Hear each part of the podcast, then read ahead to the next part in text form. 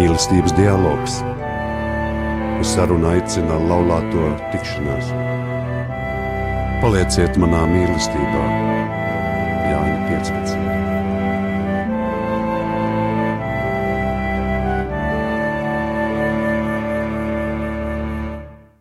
Labvakar, cienījamie radio arī klausītāji! Labvakar, kustības laulāto tikšanās raidījumā mīlestības dialogs. Tā kā novembris ir Latvijas valsts svētku mēnesis, šovakar mūsu saruna būs par ticību un patriotismu, par to, kā ticība dievam palīdz iemīlēt un mīlēt savu zemi, par to, kā ticība palīdz izdzīvot patriotismu.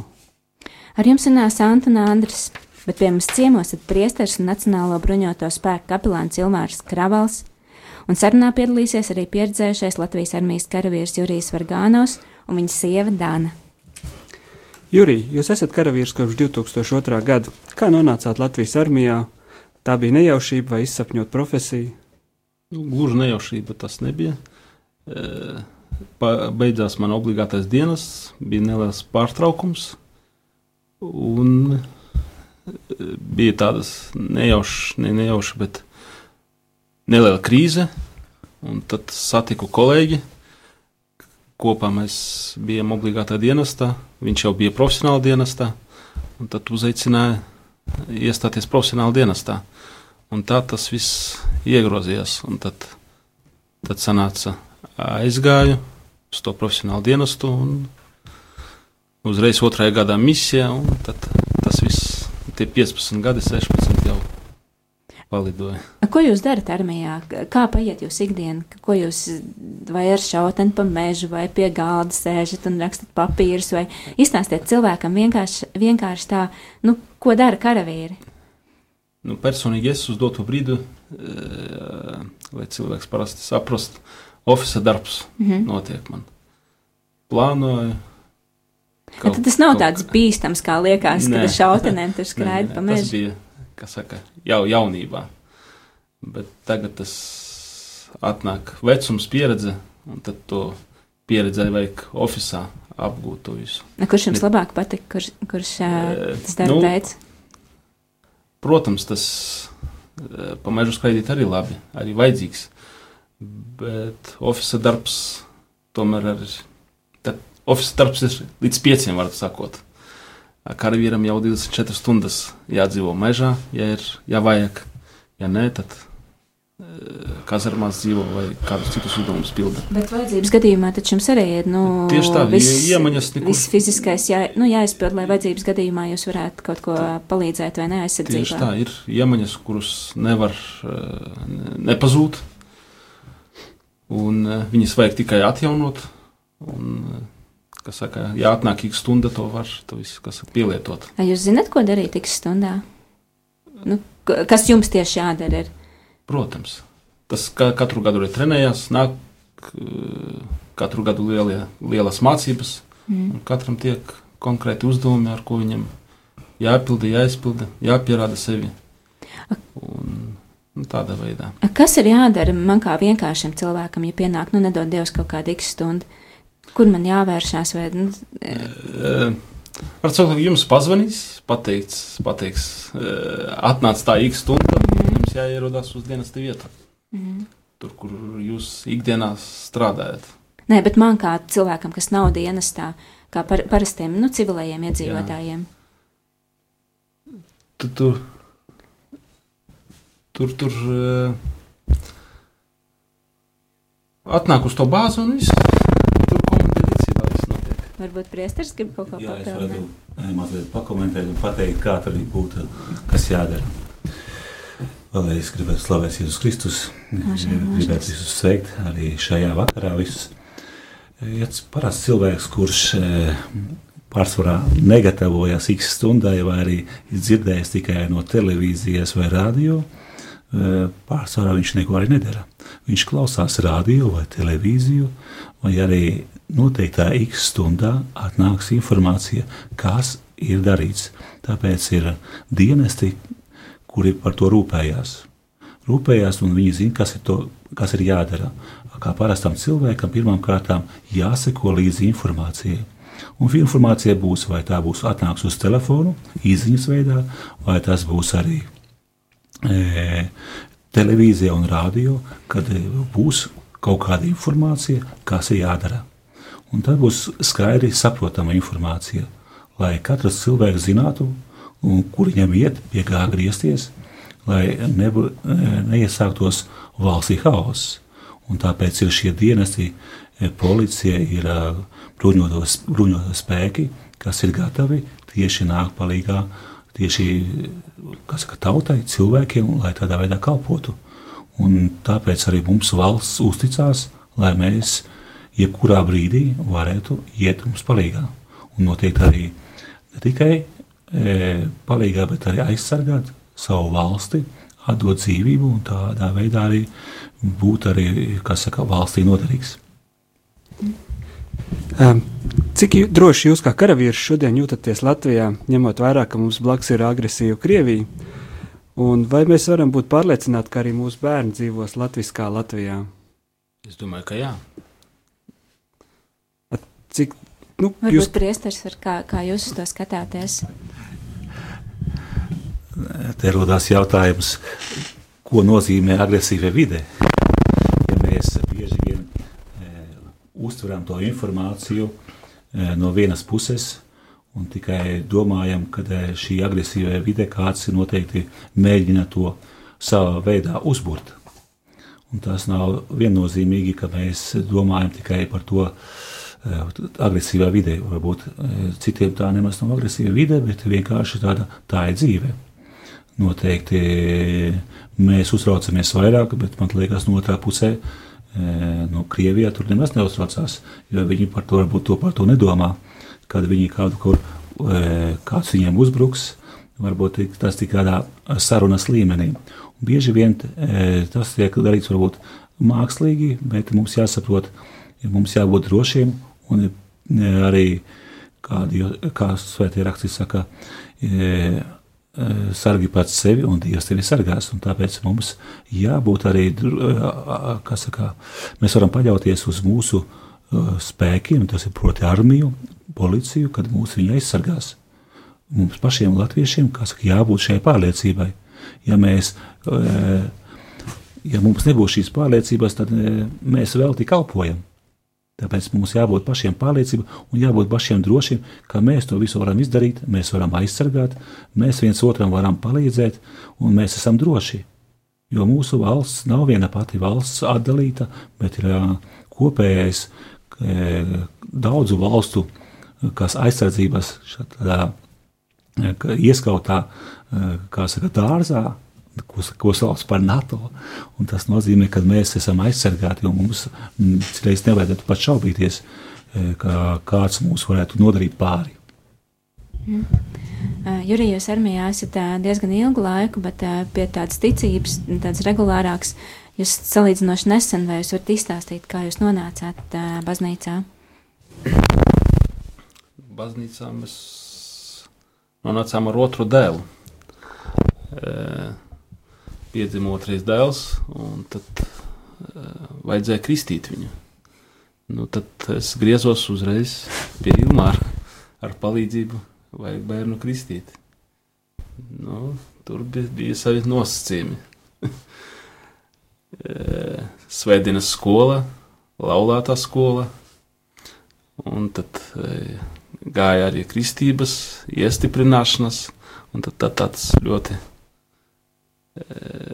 garš ceļš, kas mums gāja, ja es nemaldos, gads. Nu, iespējams, mm -hmm. līdz gadam. Tas viss process arī vecākam bērnam vajadzēja arī svētdienas skolas iziet. Un tā mēs lēnītēm uz to ejam un at attīstamies, kas saka, un, un, un, un stiprinam savu ticību. Kā ticība jums ir, jūs esat bijis arī starptautiskajās misijās, prom no mājām ilgāku laiku, ir palīdzējusi kaut kā izdzīvot to prombūtni ilgstošo? Īstenībā es tajā laikā par to arī ne, nedomāju, bet, kad biju vienatnē, tad uh, bija lūkšanas savos vārdos, Jo tolaik es nemācījos lūgties nekā, bet ar saviem vārdiem to visu darīju. Tas nu, tā. A, cik viegli vai grūti ir apvienot uh, ģimenes dzīvi ar darbu armijā?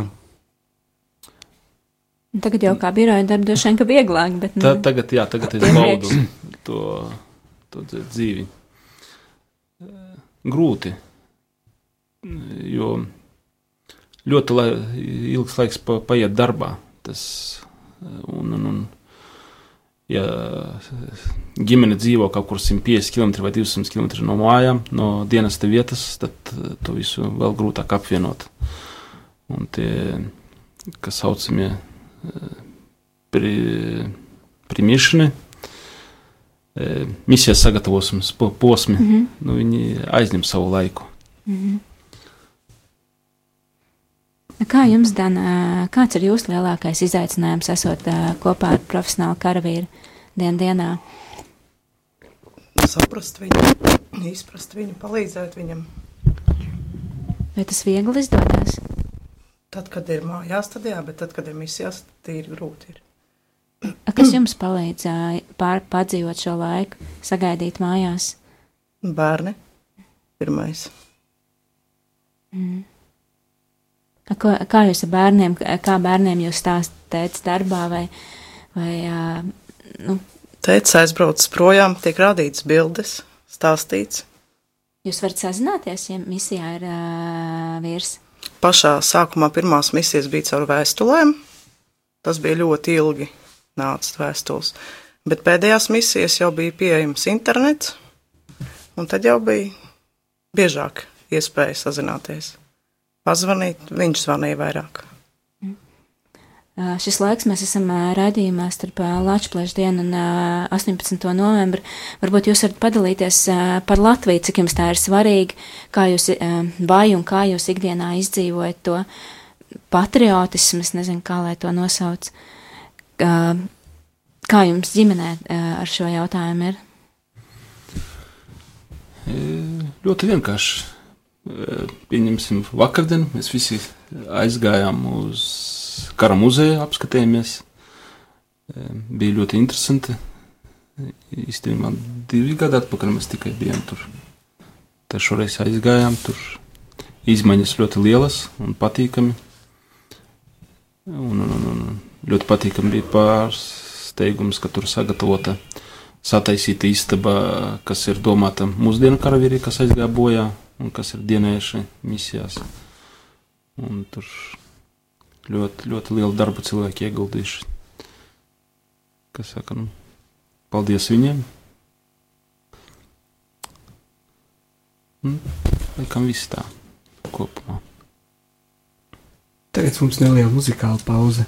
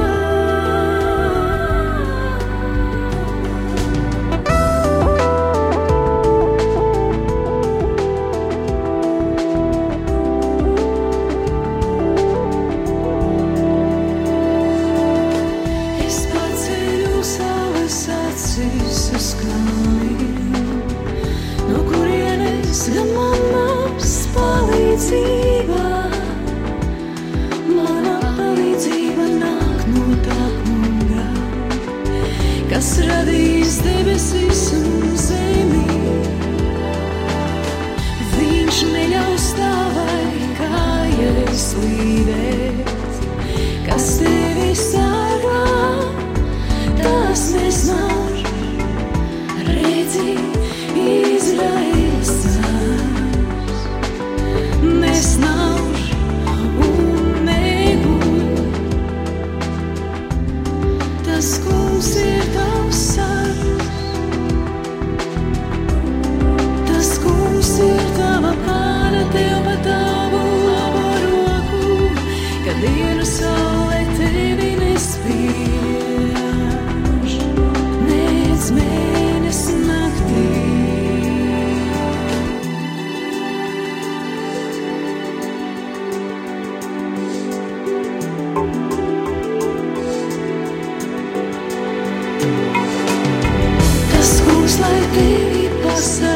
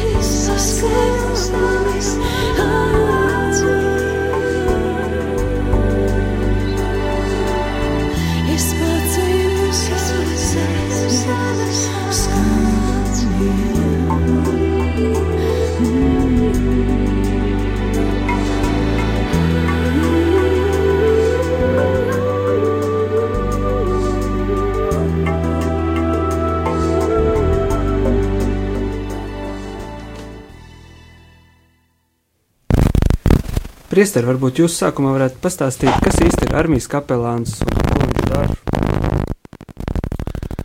Jā, priester, prieces un kapelāns, tas, tāds, tas ir garīdznieks armijā. Ļoti vienkārši pa- pa- pasakot, garīdznieks īpašā vidē. Kapelāns ir garīdznieks dažādās vidēs. Kapelāns var būt skolā, kapelāns var būt arī slimnīcā, kapelāns ir arī armijā. Tas nozīmē, lai nestu dieva vārdu tajā vidē, kur viņš atrodas. Un tāpēc e, kapelāns armijā tas ir arī saprotams, ka bieži vien karavīrs, kurš ir mazliet izolēts no, no sabiedrības, viņam vajadzīgs atsevišķa savādāka pieeja, un tieši kapelāns to arī nodrošina. Un tāpēc e, baznīca nāk pretī, lai varētu no Dieva vārds aiziet visās iestādēs, visās arī organizācijās un arī armijā. Un tāpēc ir uh, kapelāna dienests šeit Latvijā izveidots, lai tādā veidā palīdzētu. Un uh, mūsu arhibīskaps ar viņa pa, uh, kas saka, vadībā, es esmu priesteris, arī kas, kas kalpo draudzēs, un arī uh, kapelāns, kas kalpo armijā. Kā jums izdodas savā kalpošanā apvienot pretstats garīgumu un skarbo armijas vidi? arī uzreiz negribētu piekrist, ka skarba vide e, tas tikai no malas izskatās. es- Jo nākot uz armiju, man arī likās, ka armija ir skarba vide.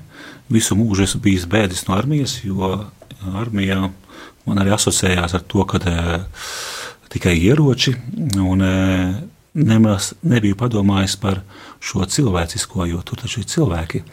Un, e, kad tikko, kā saka, lūgts, lai es kalpotu armijā, tad iepazinu šo armijas otru pusi.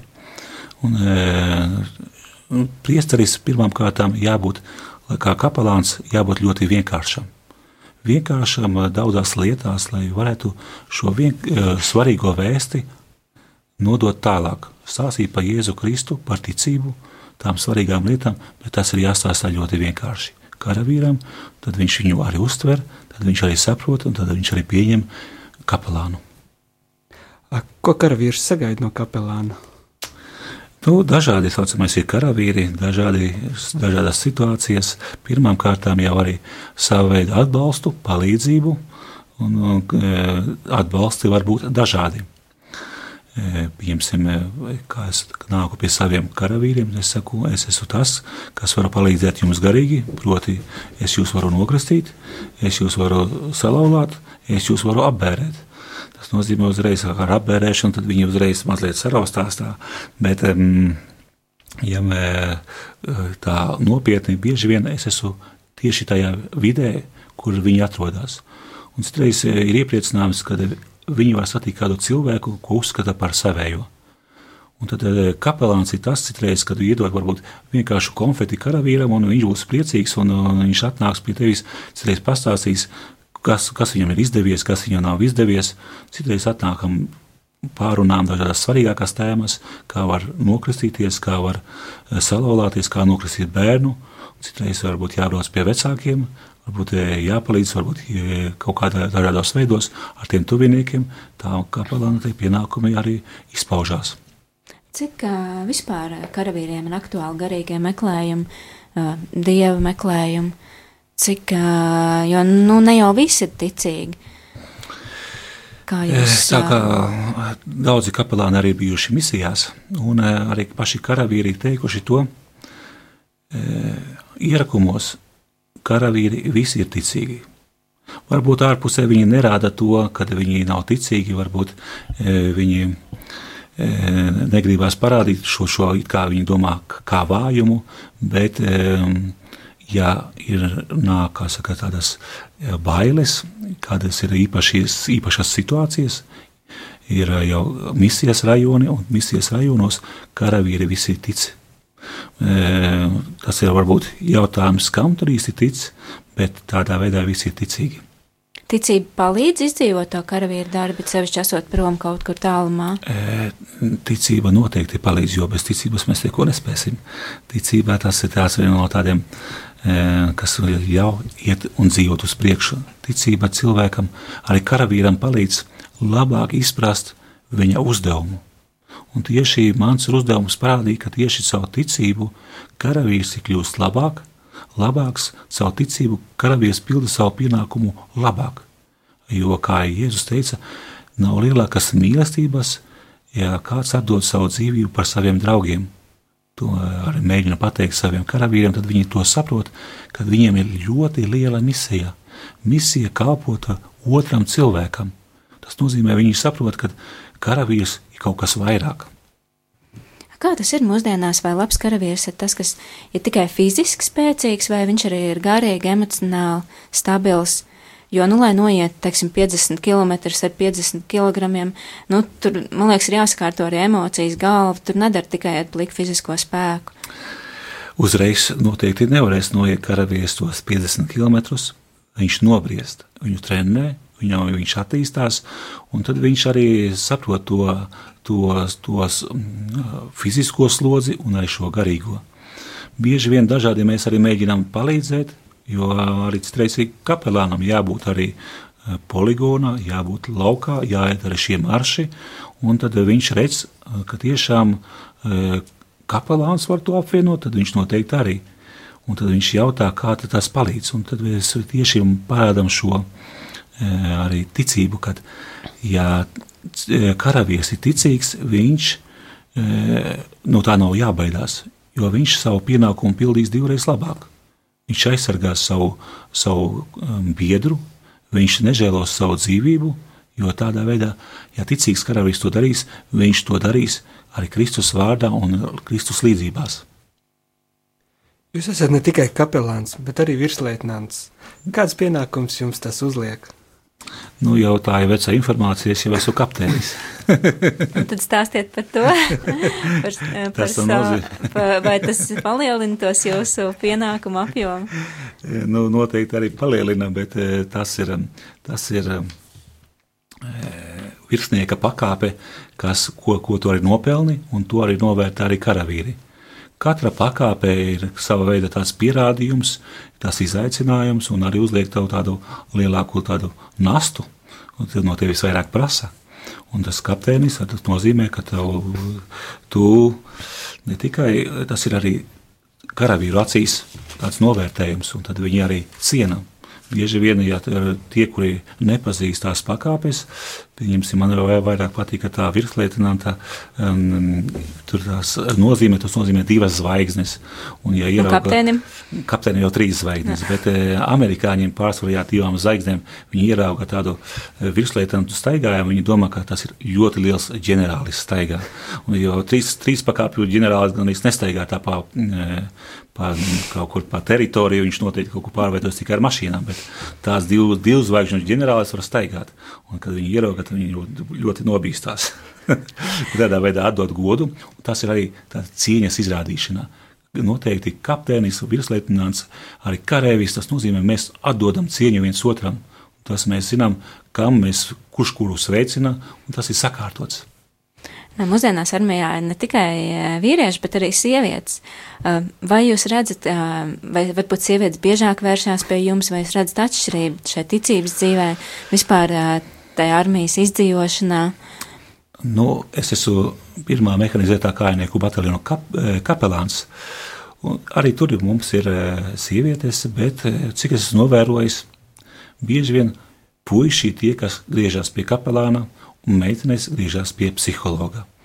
Jā, Nezinu, tāds sadalījums. Tā, tas tāds vairāk sadalījums, jo uh, Nezinu, bet puikas vienmēr uzticās vairāk kapelānam, un mēs varam pārunāt par daudzām lietām. Bet eh, noteikti arī nāk pie manis meitenes. Mēs pārunājam dažādas lietas, kas ir svarīgas.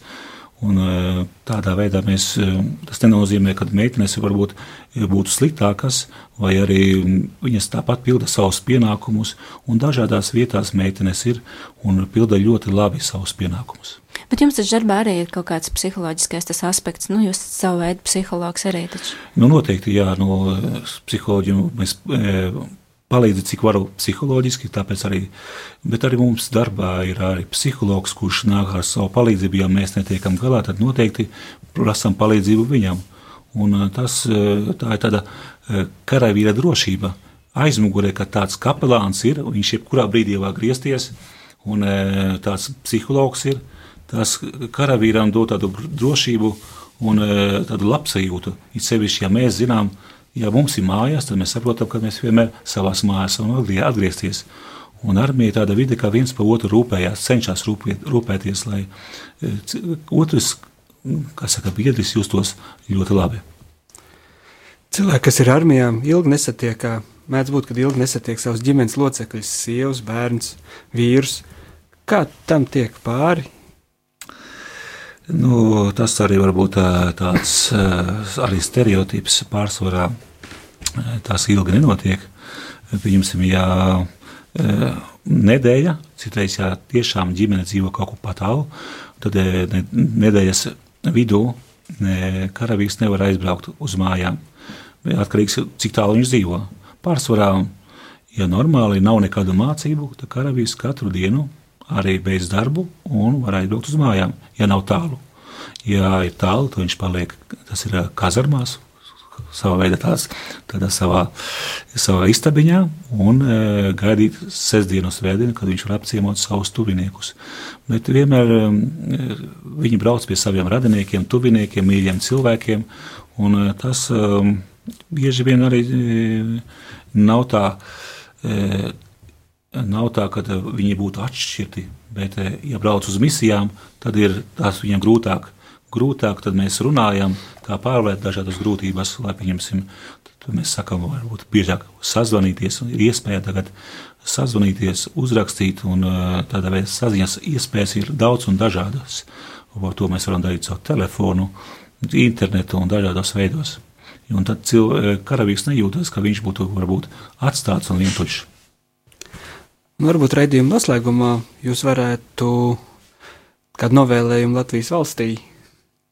Latvijai, mums, jums, pašiem sev, ģimenēm, karavīriem, kas jums liekas, kas būtu tāds svarīgākais, kas uz simt gadu mums būtu jānovēl pašiem sev? pateikšu vienu, mēs gatavojamies Latvijas sim- simtgadē, un tas ir tas ļoti liels izaicinājums. Un e, uz mums karavīriem skatās kā uz varoņiem, bet atcerēsimies, ka mēs katrs esam varonis. It sevišķi, ja mēs pildām savu pienākumu pēc labākās sirdsapziņas, ja mēs e, to darām Latvijai un viens otram, tad mēs esam varoņi centīsimies arī vēl novēlēt, lai tiešām mēs darītu viens otram, un tādā veidā arī atrastu šo ceļu pie Dieva, un tas būtu tāds e, e, arī novēlējums, lai e, to visu darītu mēs ar mīlestību, nevis ar pienākumu, bet ar mīlestību, un novēlu šajā nedēļā, lai tiešām mēs izjustu arī tos tuvos cilvēkus, kas mums ir blakus, lai tādā veidā viņi arī izjustu mūsu palīdzību. Un Paldies! ko, ā, un ko jūs, Jurija un Dana, novēlat ā, Latvijai un sev pašiem un ģimenēm? ģimenē mēs novēlētu ticību dievam, lai tā, tā ticība būtu stiprāka. Un, eh, ko vēl? Vienkārši gribās apsveikt ģimeni. Jūs ā, teicāt, ka jūs novēlat arī dialogu dāvanu un piedošanas dāvanu aizkadrā. Cik tā jā, ir svarīga? jā, tas ir ļoti svarīgi, lai ģimenes mācētu piedot. Un, eh, ja gi- ģimene māca piedot, tad arī viss aiziet raitāk un ne, ne, nerodas jauna strīdi, kas saka.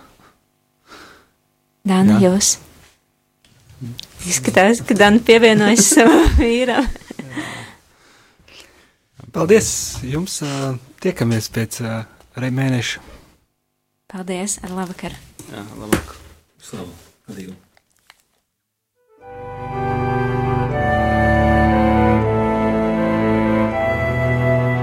Mīlestības dialogs. Uz sarunu aicina laulāto tikšanās. Palieciet manā mīlestībā, Jāņa 15.